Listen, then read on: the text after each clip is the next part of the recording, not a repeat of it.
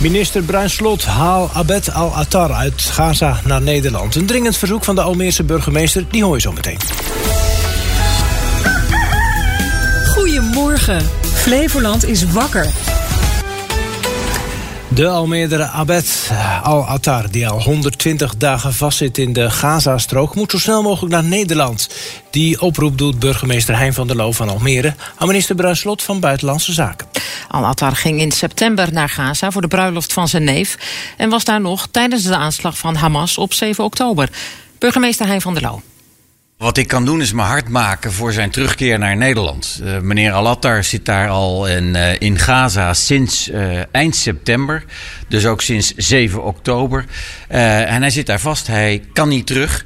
En waar ik me hard voor maak is dat hij terug kan naar Nederland. Juist in deze tijd waarin we zeer recent, dit weekend, hebben begrepen dat het zo zorgelijk is daar en een grote dreiging is op het zuiden van Gaza. Van der Loo heeft afgelopen vrijdag nog contact gehad met de Almeerder die vastzit in Gaza. Dat grijpt me aan. Ik ben in nauw contact met meneer Al-Attar, eh, telefonisch.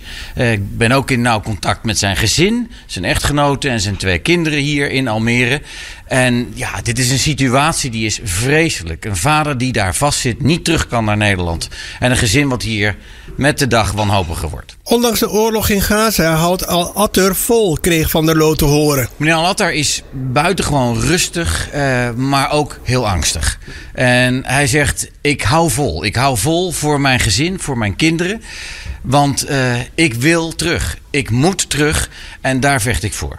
Voor zover ik begrepen heb, heeft hij te eten. Hij heeft een dak boven zijn hoofd, maar voelt zich buitengewoon onveilig. Met de vrouw en twee kinderen van Al-Atter in Almere heeft de burgemeester dus ook contact gehad. Ze zijn natuurlijk ongelooflijk verdrietig dat hun vader al zo lang weg is, dat hij niet terug kan naar Nederland. En eh, nou ja, we proberen te helpen waar dat kan vanuit de gemeente. En in mijn rol als burgervader probeer ik contact te onderhouden met echtgenoten en twee kinderen. Demissionair premier Rutte heeft maandag een bezoek gebracht aan Israël en de Palestijnse gebieden. Tijdens de ontmoetingen wordt ook gesproken over het belang van de vrijlating van alle gegijzelden. Ik heb met de premier geen contact gehad. Ik heb vandaag een extra oproep gedaan aan de minister van Buitenlandse Zaken. Ik weet dat het kabinet onder leiding van de premier ongelooflijk haar best doet om alle mensen daar uh, vrij te krijgen. In ieder geval terug naar Nederland te laten keren. Uh, mijn oproep is dus ook geen kritiek, is steun aan het kabinet om daar succesvol in te zijn. Het zou mooi zijn als Rutte hem kan mee terugnemen naar Nederland. Dat zou een droom zijn. Bewoners van de gerenoveerde flat De Golfslag in Emmeloord balen van de lift in het gebouw die het geregeld niet doet. Monteurs lopen af en aan, maar tevergeefs. Bewoners en bezoekers hebben urenlang vastgezeten in de kapotte lift. Tegenwoordig nemen ze maar een mobieltje mee, zodat ze in ieder geval kunnen bellen als ze weer eens vastzitten. Nou, hij was eerst defect het hele weekend. Ik had toen mijn kleindochter van 2,5 jaar. Nou, dan moet je wel zes trappen naar boven. En uh, hij is vandaag gemaakt, zogenaamd. En ik ging beneden weer de lift in, drukte op 6. En dan gaan de deuren open en dicht, de deuren open en dicht, maar hij gaat niet naar boven. De lift is de bewoners van de golfslag al weken een doorn in het oog. Onbetrouwbaar en voor je het weet zit je vast. Mijn zus en mijn twee zwagers die hebben dus ook uh, anderhalf uur in de lift vastgezeten. De verbouwing van het markante gebouw aan de oostrand van Emmeloord heeft anderhalf jaar geduurd. Daarna konden eind december de eerste bewoners eindelijk hun appartement in de golfslag betrekken. Waar slaapkamer 1 momenteel een bergkamer is. En slaapkamer 2 waar ik ga slapen. Tevredenheid over de woningen, ontevredenheid over de lift. Nou, ik heb nu al een paar keer dus mijn, ja, we hebben zelf vastgezeten. En ik hoorde steeds veel meer mensen dat ze problemen hebben met een lift. En ook afgelopen weekend. En dan denk ik van, geen goede zaak. Als er nou iets gebeurt, mijn moeder zit op zes hoog. Dan hebben we wel problemen om haar beneden te krijgen. Je hebt de neiging om toch de trap te pakken. Maar ja, goed, uh, dat kan ook niet altijd. Nee, je zou wel kunnen zeggen gezond. Ja, naar beneden is wel gezond, maar naar boven is voor mij niet meer gezond. Nee, precies. Dan wordt het echt te vermoeiend. Dan wordt het te vermoeiend, ja. De monteur die ik sprak wil niet voor de camera reageren. Maar hij geeft aan dat het probleem vooral zit in de deuren van de lift. Die zouden meer dan 20 jaar oud zijn en nodig aan vervanging toe. Er moeten nieuwe worden besteld en dat kon nog wel even duren. En tot die tijd kunnen dus ook storingen blijven ontstaan. Je kan iets repareren dat het even weer goed doet, maar als je geen vertrouwen meer in hebt, ja, wat dan? En ook hier, wat mij opvalt, op de zesde verdieping, hij sluit niet helemaal.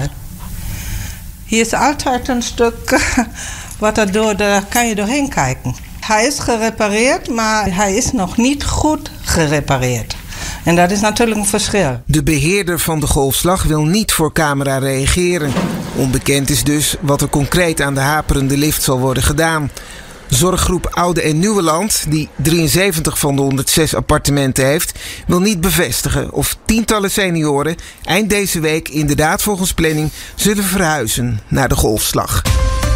Wat heb je gemist op eh, radio en tv? Nou, bij Nieuwsuur was er aandacht voor het eindverslag van informateur Ronald Plasterk over de afgelopen formatieronde.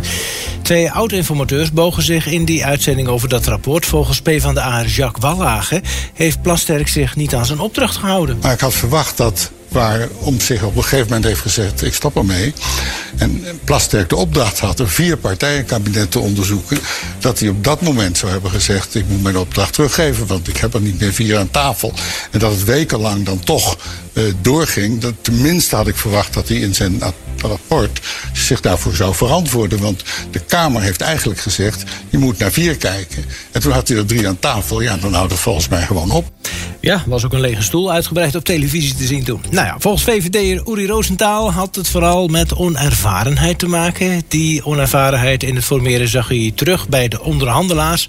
Ook bij een ervaren politicus als Pieter Omzicht. Aan de ene kant dus de mededeling dat hij afstand heeft tot Geert Wilders op die grondwettelijkheid. Terwijl daar toch tegelijkertijd door hem ook getekend wordt voor die basislijn, zoals die wordt genoemd. En dan, hij stapt eruit op die financiële toestanden. En wat maakt u daar dan van? Dat het niet alleen de onervarenheid is die ik überhaupt een beetje voel bij deze eerste fase. Van mensen die op zichzelf niet echt al met het bijltje van een informatieronde hebben gehakt. Na vier jaar gaat de hoogste baas van de politie, Henk van Essen, met pensioen. En in die tijd maakte de politiechef veel mee, zoals de moord op Petra de Vries, coronarellen en boerenprotesten. Nou, dat ging ten koste van het werken in de wijk, vertelde hij bij Op1. We kregen voetbal, we kregen de boeren, klimaatprotesten. En dat leidt ertoe, dat mag van ons verwacht worden, dat we dat begrenzen, demonstraties goed faciliteren, daar waar er geweld komt begrenzen. Maar uiteindelijk gaat het ten koste van onze zichtbaarheid, aanspreekbaarheid en benaderbaarheid in de wijk. Die collega's die dat doen, die komen uit de wijkteams, zijn dus niet meer in de wijk aanwezig. En dat is echt van belang, die preventiefunctie. En daar heb ik de aandacht voor gevraagd. Ook de publicatie van de documentaire De Blauwe Familie was een bijzonder moment in de carrière van Van Essen. Als je racisme en discriminatie in de samenleving moet bestrijden, dan moeten wij. Dan hoor je dat intern de lat hoog te leggen. Ja. Daar hadden wij uh, uh, wat in te doen. Die Blauwe Familie heeft ons gebracht naar een statement waar we zeggen. Wellicht hebben we in het verleden het te makkelijk weggekeken. We hebben de norm, die was. Maar we hebben gezegd, als dat gebeurt, zullen we erop reageren. Zal er een maatregel volgen. Dat maken we op dit moment ook waar. Ik was ook buitengewoon trots. Dat een CEO bij de politie is afgesloten ja. eh, zonder actie. En dat waren wat zaken gisteravond op radio en tv. Morgen is het weer biddag op Urk. Dat is altijd zo op de tweede woensdag van februari. Wordt dan gebeden voor de visserij, voor gewas en voor arbeid. En veel zaken zijn dan dicht. Ja, de biddag op Urk is eerder dan op andere plekken in het land. Je hoort Ja Bakker en Evert Weerstand. Dat zijn kenners van de Urker geschiedenis. Onze biddag is dan de tweede woensdag in februari. En dat is ingesteld door dominee Jacob Neentjes... die toen predikant was van de christelijk gereformeerde gemeente op Urk... En die heeft hem in 1848 is dat dus ingesteld. Dus dat is nou dit jaar voor de 176ste keer dat die biddag dus dan gehouden wordt. En waarom wordt het dan niet in maart gehouden, maar in februari? Nou, dat lag toen in de tijd aan de, aan de omstandigheden op Urk. Het was voor het grootste gedeelte was het natuurlijk visserij. En die eerste maanden van het jaar, een week of zes, dan was het toch uh, vaak de weersomstandigheden waren dus niet geweldig. En dan lag eigenlijk de, de haven lag vol met uh, de botters en uh, kon niet gevist worden. En ook wel door de omstandigheden toen op Urk, er zijn toen nog wat rampen gebeurd en zo. Maar toen hebben ze ook ja, die biddag ingesteld om die tijd, omdat eigenlijk in maart begon de visserij, begon dus dan weer. En vandaar dat ze dus dat eigenlijk naar voren geschoven hebben toen. Eigenlijk een heel praktisch moment ook. Het was eigenlijk een praktisch moment ja, dat ze dat, uh, dat gedaan hebben. Ja. ja, Bakker, hoe belangrijk is Biddag op Urk? Uh, nog steeds belangrijk, maar ik denk als we nu nog in moeten stellen dat ze het niet zouden doen. Ontwikkeling is doorgegaan met uh, ploegendiensten. Uh, die machines ook in de visverwerking moeten blijven draaien. Dat het is economisch een veel moeilijker beslissing. Dus als ze hem nu moesten nemen, die beslissing, om hem in te stellen, dan zouden ze het niet doen. Maar het is een menselijke instelling. Dus waarom niet wijzigen? Dat is mijn idee. Als ik u zo hoor, het zou ook wel op een andere dag kunnen. Ja, zonder meer. Als je hier woensdag uh, komt, nou ja, dan merk je het wel. Het is, uh, het is, het is gewoon veel stiller. En, uh, wij, goed, ik heb voorheen dat ik hier in het museum en dat ik met mijn vorige werkkring hadden wij dus toen ook een doe-het-zelf-zaak. Maar we hielden er ook altijd rekening mee als er spullen afgeleverd moesten worden, niet op woensdag komen, want dan was de winkel dus ook dicht. Een andere dag is voor Evert Weerstand een stap te ver. Hij ziet dat het economisch niet altijd handig uitkomt, maar houdt wel vast aan de traditie. Die ontstond jaren geleden naar aanleiding van de vele rampen op zee. Dat er soms in één nacht dat er dus 13, 12 visserlui konden verdrinken. Nou ja, die kleine bevolking toen op Urk, dat hakte er natuurlijk wel in. Welke dag het ook is, beide heren vinden het belangrijk om stil te staan. Wij leven in een hele drukke samenleving. En stilte wordt steeds schaarster. En wil je God vinden, dan moet je in de stilte zijn. Nou, wat hebben we te melden uit binnen- en buitenland? Op het ABN AMRO tennistoernooi in Rotterdam heeft Talon Griekspoor de tweede ronde bereikt. Hij versloeg de Italiaan Lorenzo Musetti in drie sets, maar makkelijk ging dat niet. Nee, zeker. Het was heel erg zoeken. Het voelde, het voelde geen moment echt lekker. Het leek wel in training, centercourt echt mega staan trainen. Het leek wel alsof het met publiek erbij wat warmer was. Iets meer moeite met de ballen. Snaren, het, het zat allemaal gewoon niet, uh, niet zoals het moet zitten. Broekje werd ik ook helemaal gek van. Die moest ook heel snel uh, gewisseld worden. Het moest van heel ver komen. Ja, want dat broekje zat te strak. Ja, het ja, je kan er heel veel last van hebben. Het voelde volgens Griekspoor alsof hij een heel strak zwembroekje aan had. Oh, zo'n gele. Het zou kunnen. Uh, Jesper de Jong, die meedeed dankzij een wildcard... die kon niet stunten in Rotterdam. Hij verloor in de eerste ronde. Oké, okay, had hij ook nog gewisseld van broekje tussendoor? Dat, dat weten niet? we niet, hè. Dat weet Geweldig verhaal. Maar gelukkig ja. uh, gewisseld op tijd is toch nog gewonnen Griekspoor. Nou, ja. mooi. De beloning die de Duitse justitie uitlooft... voor de aanhouding van drie RAF, RAF-terroristen... is verhoogd naar 150.000 euro. De twee gezochte man en één vrouw zijn al decennia voortvluchtig... en volgens de politie in Groningen gesignaleerd. Volgens RTV Noord-verslaggever Remco in het Hof is dit een ultieme poging van de Duitse justitie om ze dan ook te pakken. Het is de laatste poging, alles of niets poging eigenlijk voor justitie om ze nu toch te pakken. Misschien dat iemand binnen de, de helpers, de medewerkers naar justitie wil lopen omdat het bedrag nu uh, aanlokkelijk is geworden.